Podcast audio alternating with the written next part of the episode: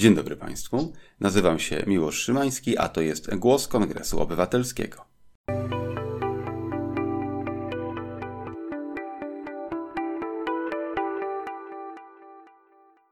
Moim gościem jest dzisiaj pan Marcin Skrzypek, animator kultury, muzyk z Orkiestry Świętego Mikołaja, pracujący w ośrodku Brama Grodzka Teatr NN, a także przede wszystkim członek Rady Programowej Kongresu Obywatelskiego. Dzień dobry. Dzień dobry. Kanwą naszej dzisiejszej rozmowy będzie tekst, który popełnił Pan dla nadchodzącej publikacji Kongresu Obywatelskiego, która dotyczyć będzie nowoczesnych technologii i ich wpływu na nasze życie. Tytuł tejże nadchodzącej publikacji pomorskiego Thinkletera to Człowiek versus algorytmy i sztuczna inteligencja, kto kogo zaprogramuje.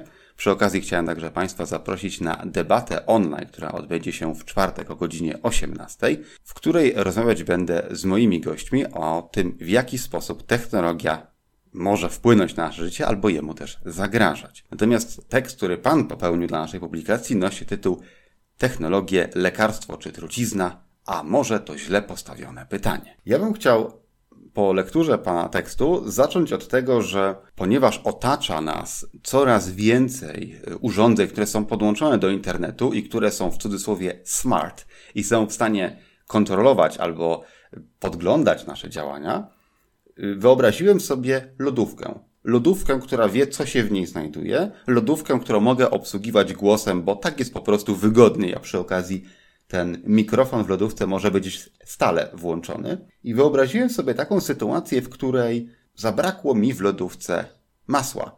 Lodówka kupiła już za mnie to masło i to masło kurierem do mnie jedzie. Tylko skąd ja mogę wiedzieć, czy lodówka kupiła to masło, które ja lubię, albo czy przypadkiem nie kupiła takiego masła, które algorytm każe jej teraz reklamować. I w tejże wizji zmierzamy w kierunku świata, w którym nam się wydaje, że mamy kontrolę nad sytuacją, ale tak naprawdę jesteśmy przez tę sytuację kontrolowani przy użyciu tego miliona inteligentnych urządzeń, które wokół nas się znajdują. Znaczy, ja w ogóle mam taką tendencję do tego, żeby niestety analizować zadawane pytania. To znaczy, bardzo często e, pytania zadawane właśnie przez e, prowadzących dyskusję służą do tego, żeby wzbudzić po prostu dyskusję. Natomiast e, mnie interesuje samo pytanie, samo konstrukcja tego pytania i myślenie, które do zadania tego pytania doprowadziło, bo to jest według mnie najciekawsze. To tworzy drogę, którymi dalej pójdą nasze myśli. No i teraz analizując ten przykład inteligentnej, przysłowiowej, inteligentnej lodówki, to warto zwrócić uwagę na to, że my już jesteśmy w tej sytuacji, że nie wiemy, e, czy kontrolujemy tę sytuację, dlatego że już teraz, jeżeli idziemy do sklepu, to nie wiemy, czy kupujemy masło dlatego, że je lubimy, czy dlatego, że e, jest ono reklamowane. Było właśnie reklamowane wczoraj w telewizji. Także tutaj lodówka tej sytuacji nie zmieni. Dalej e, będziemy mieli ten sam problem, czyli dodatek techniki tak naprawdę jest do naszych rozważań e, niepotrzebny. I na to też chciałem zwrócić uwagę, że generalnie nasze życie mm, zależy od takich samych modeli, jego komplikowanie się e, w sposób, za pomocą różnych zjawisk, które te modele przyjmują, różnych form, które te modele przyjmują, jest e, tylko pozorne. Tak naprawdę, jeżeli zastanawiamy się właśnie nad, nad e, tymi formami, to nas tylko od, odwodzi naszą uwagę od meritum, od, od tego, co jest naj, najważniejsze. I tutaj najważniejszy jest fakt, że masło jest częścią jakiejś tam narracji, na przykład narracji reklamowej i my tą narrację kupujemy, ponieważ myślimy narracjami i już jesteśmy programowani przez właściwie całą gospodarkę, która zmierza do maksymalizacji konsumpcji. No i odbiłem piłeczkę, teraz pan. Znaczy, ja się zgodzę, że od kiedy istnieją media, takie jak chociażby gazety, i tutaj serdecznie polecam lekturę reklam zawartych w gazetach sprzed 100 czy 200 lat, są równie nachalne jak dzisiejsze reklamy, tylko że ograniczają się do tekstu pisanego. Natomiast zgodzę się z tym, że ten coraz to doskonalsze formy technologiczne, jak chociażby myśląca w cudzysłowie lodówka, powodują, że my mamy konsumować jeszcze więcej, bo to wprost zmierza do zwiększenia zysku producenta tejże na przykład lodówki, który może sprzedawać przestrzeń reklamową wewnątrz lodówki, e, tak jak się sprzedaje przestrzeń reklamową w tej chwili w internecie, w gazetach, w telewizji i tak dalej. To, o czym Pan mówił, że bardzo wielu prowadzących zadaje pytania, które mają na celu wzbudzenie strachu albo wzbudzenie dyskusji, ja się z tym w pełni zgadzam, oczywiście, że tak, no bo mamy tendencję do tego, żeby bać się rzeczy, których nie znamy albo których nie rozumiemy. No i teraz, jeżeli chodzi o nowoczesną technologię, to dochodzimy do momentu, w którym zrozumieć sposób jej działania jest coraz trudniej. Zrozumieć to, w jaki sposób ona nas otacza i jak może na nas wpłynąć, jest po prostu coraz trudniej, coraz jest to wszystko bardziej skomplikowane. Dlatego też poddajemy się temu na zasadzie takiej, że ok, tego używa się wygodnie, to jest wygodne, żeby mówić do lodówki, a nie do niej podchodzić, w związku z powyższym będę tego używać i przestajemy się trochę nad tym zastanawiać na dłuższą metę. Podobnie jest z producentami tego typu rozwiązań. Im przecież tak naprawdę, mam nadzieję, nie zależy na tym, żeby kontrolować nasze umysły, tylko im zależy na tym, żeby skłonić nas y, do kupienia jak największej ilości rzeczy po to, żeby oni jak najwięcej na tym zarobili. I jeżeli spojrzymy na to, na ten rozwój nowoczesnej technologii z perspektywy takiej, że on ma służyć maksymalizacji zysku, to nagle moim zdaniem staje się to troszeczkę bardziej zrozumiałe i trochę mniej przerażające, bo chciwość jest nam jak najbardziej znana, jest emocją oswojoną, nie jest to jakaś tajemna siła, jakaś Mordor albo jakiś Terminator, który chce nas zgładzić. Tutaj możemy dojść do tezy, którą zawarł Pan w swoim tekście, mianowicie, że jeżeli chodzi o technologię, to jest z nią jak z trucizną. Różnica jest tylko w kwestii dawki. Mała dawka może być lekarstwem, a duża dawka może być właśnie zabójcza. Czy ma Pan jakieś własne odczucia, gdzie należałoby postawić granicę pomiędzy tym, że to już jest raczej trucizna niż raczej lekarstwo, jeżeli chodzi o obecność technologii wokół nas w naszym życiu codziennym? Oczywiście nie. To nie jest takie proste, ale mm, można, możemy się zbliżać stopniowo do, do takiej granicy. Przede wszystkim uważam, że powinniśmy mniej myśleć o technologii, a bardziej o sobie nawzajem. Chciałbym wrócić do, mm, do tej kwestii gospodarki i przysłowiowej gadającej lodówki. To tutaj też e, widziałbym dwa mechanizmy, które trochę e, nas przymuszają do myślenia o technologii więcej niż to jest e, potrzebne. Pierw, pierwszym takim mechanizmem jest fakt, jak jest skonstruowana nasza gospodarka. Ja nieprzypadkowo powiedziałem, że ona już w tym momencie nas kontroluje, że tak powiem, po całości ponieważ no, jeżeli wierzyć e, Marcinowi Popkiewiczowi, który napisał książkę Świat na krawędzi, to obecna gospodarka od uwolnienia pieniądza, e, z, uniezależnienia pieniądza od złota przynajmniej, e, wymaga stałego wzrostu. Od razu powiem, że nie rozumiem ekonomii, ponieważ nie jestem w stanie określić e, granic tego naczynia, które nazywamy ekonomią. Niemniej jednak e, jestem w stanie sobie wyobrazić, że to jest prawda, że gospodarka sama w sobie zawiera taki rakotwórczy algorytm, który po prostu mm, wymaga od nas stałego wzrostu tego przysłowiowego PKB, ponieważ inaczej dojdzie do kryzysu. To jest jakby jeden, jeden, jeden powód, dla którego my musimy myśleć o technologiach, ponieważ technologie są sposobem na, znaczy myślenie o technologiach jest sposobem na skłanianiu nas do kupowania różnych gadżetów, czy lodówek, czy tam innych rzeczy. No i tutaj mechanizm działa w ten sposób, że jesteśmy przekonywani, że jeżeli kupimy sobie coś nowego z dziedziny nowych technologii, to po prostu nasze życie będzie piękniejsze, rozwiążą się problemy komunikacyjne, będziemy mieli więcej czasu i tak dalej, i tak dalej. I takim przykładem jest właśnie ta gadająca lodówka. Ja uważam, że to nie jest prawda, że ona jest wygodniejsza, że jedynym za, za zagrożeniem ze strony gadającej lodówki jest to, że ona będzie miała połączenie z innymi lodówkami i z producentem lodówek i z producentem masła, tylko raczej samo myślenie w ten sposób, że taka lodówka jest czymś, co, czemu w ogóle poświęcamy uwagę, jest szkodliwe, ponieważ w tym samym czasie nie myślimy o rzeczach ważniejszych. E, I właśnie tym e, różni się człowiek od innych zjawisk, że jest ograniczony. Ma to bardzo proste przełożenie. Jeżeli robi coś, to, to nie robi czegoś innego. I dlatego musi wybierać po prostu świadomie, co, czemu chce poświęcać czas i uwagę. Już nie, nie mówiąc o pieniądzach, bo żeby wydać na coś pieniądze, to trzeba mieć czas, poświęcić temu uwagę. I stąd się biorą właśnie e, z takiego wyboru w warunkach ograniczoności wartości. I tutaj jakby dochodzimy do sedna, że mm, gospodarka zmierzająca do tego, żeby cały czas się rozwijać, cały czas kolonizuje naszą uwagę i te 24 godziny, które mamy, wypierając nas na przykład ze snu. Natomiast my powinniśmy walczyć o to, e, o poświęcanie tego potencjału tym sprawom, które decydują o naszym człowieczeństwie. Rozmontowałem e, to, to, to, e, ten przykład lodówki.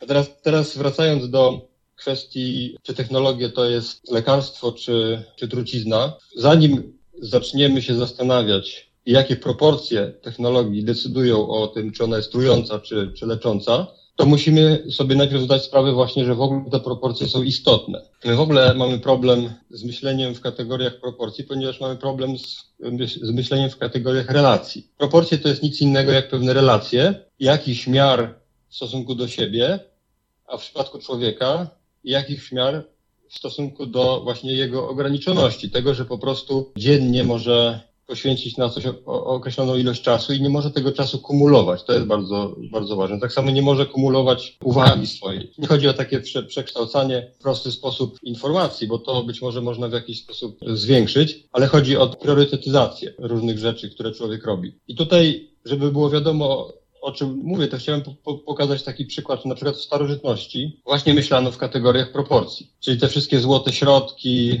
złote podziały, proporcje bu budowli. To wszystko jakby dążyło do pojęcia równowagi, czy wy wy wychodziło od pojęcia równowagi, a my chcemy tylko w naszych czasach więcej. Myślimy właśnie w kategoriach jak jakichś stanów, które są trwałe, ponieważ są stanami równowagi. Wracając może do tego, co Pan mówił, że doba jest skończona, a my, trawiąc energię na coś, nie mamy czasu na ważniejsze rzeczy, chciałbym zauważyć, że chyba już dawno minęły te czasy, kiedy ludzie idą spać e, czytając książkę i książką się usypiając. Teraz raczej dominuje przeglądanie mediów społecznościowych tego czy innego rodzaju, których przy okazji niebieskie światło powoduje, że trudniej jest zasnąć, więc jeszcze więcej czasu przeglądamy te aplikacje, tym bardziej, że one są tworzone w taki sposób, żeby angażować naszą uwagę możliwie długo, przez co śpimy mniej, potem jesteśmy trochę bardziej zmęczeni, trochę bardziej niewyspani i ciągle narzekamy, że na nic nie mamy czasu,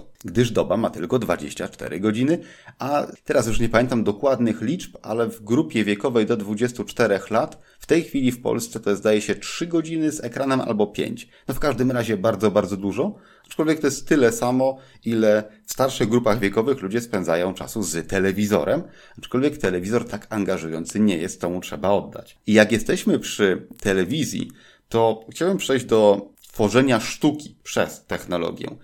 Mamy w tej chwili algorytmy, które nakarmione tysiącem czy dziesięcioma tysiącami wierszy są w stanie ten wiersz napisać, znaczy inny wiersz w tym samym stylu. Mamy algorytmy, które są w stanie dokończyć dzieło muzyczne czy powieść. Czy przyjdzie moment, znaczy dobra, on przyjdzie, to już chyba wiemy, ale w jaki sposób my się możemy ustawić wobec sztuki, która będzie tworzona przez maszyny, która nie będzie wytworem ludzkiej kreatywności, tylko będzie wytworem wytworu ludzkiej kreatywności? Problem znowu tkwi w języku, ponieważ te dzieła, czy muzyczne, czy plastyczne, czy powiedzmy słowne, to nie są żadne dzieła, to nie są żadne wytwory. To są, można powiedzieć, takie osady formatyczne, które spełniają pewne brzegowe warunki, które zostały im wyznaczone przez, przez informatyków. To są, tak to należy opisać e, z punktu widzenia, w cudzysłowie, jeżeli taki punkt widzenia by istniał, e, maszyny.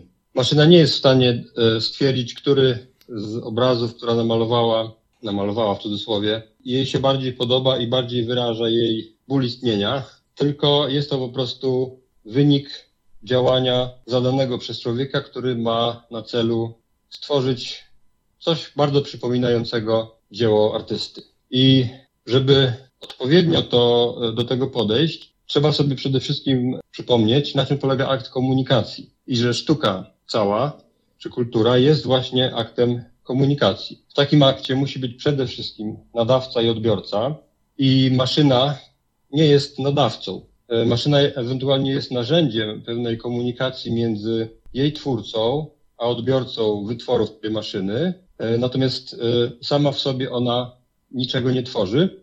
I dużym nadużyciem takim metaforycznym jest twierdzenie, że ona jest twórcą, że ona stworzyła, namalowała, że przewyższyła na przykład tego mistrza, którego naśladuje, bardzo możliwe, chociaż to jest raczej marzenie takie fantastyczne, bardzo możliwe, że powinno pojawić się prawo zabraniające antropomorfizacji maszyn po to, żebyśmy nie dawali się wciągnąć w takie myślenie, w taką narrację, że maszyny są czymś więcej niż po prostu maszynami. Także w tym kierunku bym szedł, jeżeli chodzi o ustawianie się względem postępów e, rozwoju sztucznej inteligencji. Natomiast dopóki takie prawo przeciwko fałszywej antropomorfizacji nie istnieje, no to próbujmy po prostu sami mieć świadomość, że to są tylko metafory, których no być może musimy używać. Zresztą, nawiasem mówiąc, taką metaforą jest też twierdzenie, że ewolucja coś tworzy, że gatunek, który się przekształca, coś woli,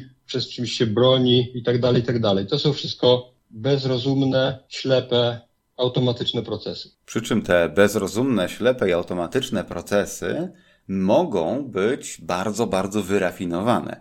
Ja czytałem e, o eksperymencie, który polegał na tym, że po śmierci, to zdaje się było śmierci męża, żona przekazała ich konwersację na, zdaje się, Messengerze czy innym WhatsAppie, w każdym razie tekst pisany, ich własne rozmowy, przekazała twórcom algorytmu, który przetrawiwszy wszystkie te ich rozmowy stworzył awatar, który odpowiadał w sposób zbliżony do jej męża.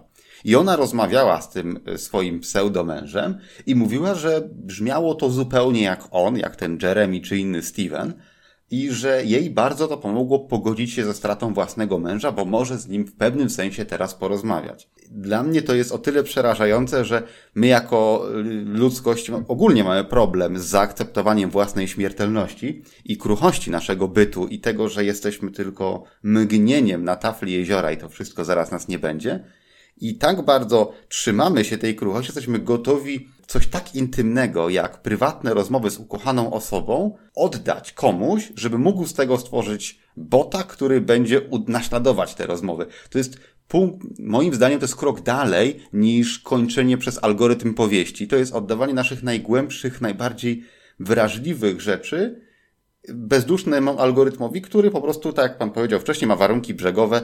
Ta wypowiedź pojawiła się tyle, tyle razy, więc jest ważna. Ta wypowiedź pojawiła się raz, więc jest nieważna, więc ja będę powtarzać te najczęściej pojawiające się wypowiedzi. W odpowiedzi na taką wypowiedź on zmarły najczęściej odpowiadał to, więc będę odpowiadać to samo. Mnie to osobiście przeraża, pana? Mnie też to przeraża.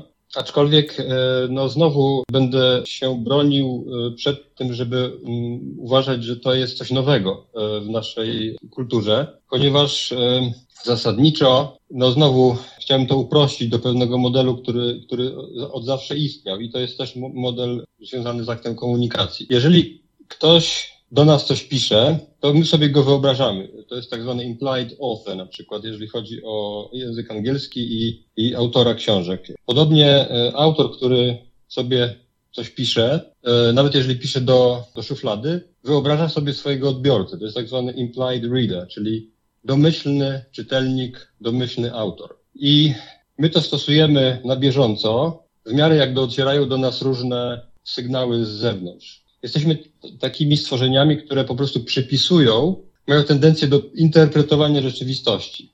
I albo te sygnały, które do nas docierają, uważamy za szum, czyli przypadkowe sygnały, nic nie, nie mające żadnego znaczenia, albo uważamy je za symptomy jakichś zjawisk, czyli sygnały, które mogą nas o czymś poinformować, o jakichś, o jakichś e, regularnościach w otaczającym nas świecie, jakichś mechanizmach, które tam działają, albo uważamy, że są stworzone przez, przez kogoś, albo do nas bezpośrednio skierowane, albo może na zasadzie takiej wiadomości w butelce puszczone gdzieś w morze i, i, my, i my po prostu te, te, te wiadomości odbieramy. I teraz ten system działa w, w odniesieniu do wszelkich stworzeń, że tak powiem, Czyli wyobra wyobrażamy sobie, te, te, te konstru konstruujemy sobie te, te osobowości takie sztuczne trochę. Jeżeli czytamy książkę i po prostu albo oglądamy film i e, lubimy bohatera, albo nie lubimy, to w jakiś sposób tworzymy sobie jego obraz. Podobnie możemy spersonifikować sobie jakieś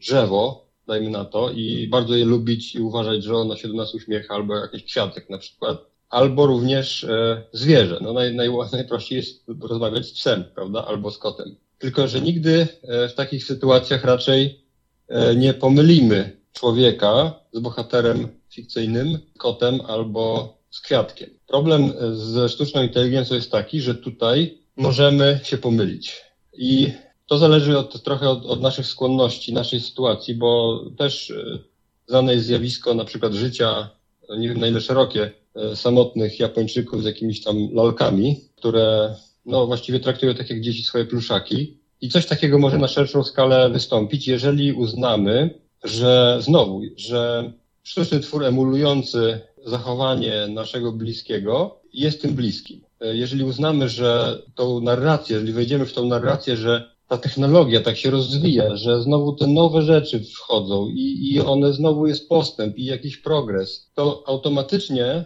przyjdzie taka myśl, że w końcu ten progres dojdzie do momentu, kiedy możemy sobie mieć matkę w komputerze, która umarła. I to jest, to będzie wynikiem złożenia tej wiary w progres, wiary w postęp, cały czas coś nowego jest i więc to, to nowe w końcu dojdzie do, do, do stworzenia człowieka i tego, że utożsamiamy człowieka z li tylko wypowiedziami, li tylko z jego zachowaniem. I tutaj wchodzimy troszeczkę na inny grunt, bo na przykład człowiek wierzący niezależnie jakiej religii, raczej nie uzna maszyny za człowieka, dlatego że po prostu uważa, że ona nie ma duszy. Natomiast ktoś, kto jest obojętny religijnie i w ogóle no jest, jest po prostu ma światopogląd materialistyczny, to w pewnym momencie już gdzieś tam głęboko w swojej intuicji machnie ręką i stwierdzi, że skoro zachowanie tego programu jest nieodróżnialne od matki, no to to jest w sumie moja matka i już. Także to są sprawy przerażające, ale one nie dotyczą rozwoju techniki, tylko raczej tego, jak o sobie my sami chcemy myśleć. Tak bym to podsumował. Czyli źródło tego, tej grozy jest w nas samych. Można jeszcze się zastanawiać, dlaczego my tak chcemy, tak do, dlaczego ta, ta narracja nam się tak podoba, ta postępowa. Na przykład można się zadawać pytanie, bo e, to, znaczy można snuć różne przypuszczenia, e, dlaczego. Albo na przykład e, można się zastanawiać też nad takim e, polaryzacją społeczeństwa po, właśnie e, spowodowanym przez potanienie komunikacji. Czyli, że, bo kiedyś było tak, że żeby coś przekazać, żeby coś powiedzieć, to wiązało się to z pewnymi kosztami. No i oczywiście wynalazek druku wszyscy błogosławimy, Natomiast e, w trylogii Narenturm e, Sapkowskiego jest taki fajny fragment, jak e, bohater spotyka właśnie Gutenberga. Gutenbergowi tego wynalazku druku tam początkowo nie chcą przyjąć, nie chcą za niego zapłacić, jakoś nie są do niego przy, przekonani. No i sam Gutenberg stwierdza, albo jeden z bohaterów, że no, no tak, to upowszechni mądrość, ale też upowszechni głupotę i różne bzdury. No i pojawia się taka, taka, taki, takie pytanie, czy potanienie komunikacji w, w, równym stopniu upowszechnia mądrość co głupotę. E, no i mi się wydaje, że, że nie, nie, nie w równym stopniu niestety. Zresztą sami tego doświadczamy. No i to prowadzi do, do pewnego roz, utraty spójności przez, przez społeczeństwo w dłuższej perspektywie, a mianowicie polegający na, na tym, że co już teraz obserwujemy, że no, ludzie są skłonni zestawiać i utraktować za równoważne bzdury i prawdę tracimy możliwość certyfikacji rzeczy sprawdzonych, rzeczy, które, które naprawdę istnieją, czy naprawdę e, są faktami, a przeciwstawiamy je rzeczom, które chcielibyśmy, żeby, żeby były. I w tym momencie można powiedzieć, te starsze struktury mózgu wygrywają z tymi nowszymi poprzez potanienie komunikacji. To a propos tego usłyszałem takie ładne zdanie, że problemem nie jest to, że stajemy się obojętni na głupotę i kłamstwo. Problemem jest to, że zaczynamy mieć problemy z odróżnieniem prawdy od kłamstwa. Tym miejscu chciałbym Panu podziękować serdecznie. Dziękuję Państwu za e, wysłuchanie tych e, nieco skomplikowanych wywodów, ale one są skomplikowane tylko dlatego, żebyśmy doszli do prostych konstatacji. Bądźmy sami dla siebie ludźmi, szukajmy czegoś, co nas pocieszy, bo nikt nas sobie nawzajem nie zastąpi żaden najnowszy gadżet. Moim gościem był pan Marcin Skrzypek, animator kultury, z ośrodka Brama Grodzka Teatr NN, ale także członek Rady Programowej Kongresu Obywatelskiego. I oczywiście raz jeszcze zapraszam Państwa do lektury najnowszego Finkletera Kongresu Obywatelskiego, który to ukaże się w ciągu najbliższych dni pod tytułem Człowiek versus algorytmy i sztuczna inteligencja, kto kogo zaprogramuje, a także do wysłuchania debaty pod tytułem Człowiek, podmiot czy biomasa cyfrowej rewolucji, która odbędzie się 9 grudnia o godzinie 18 gdzie moimi gośćmi będą znani już Państwo e, profesor Mariusz Orłowski oraz profesor Michał Kosiński, a także doktor Justyna Pokojska.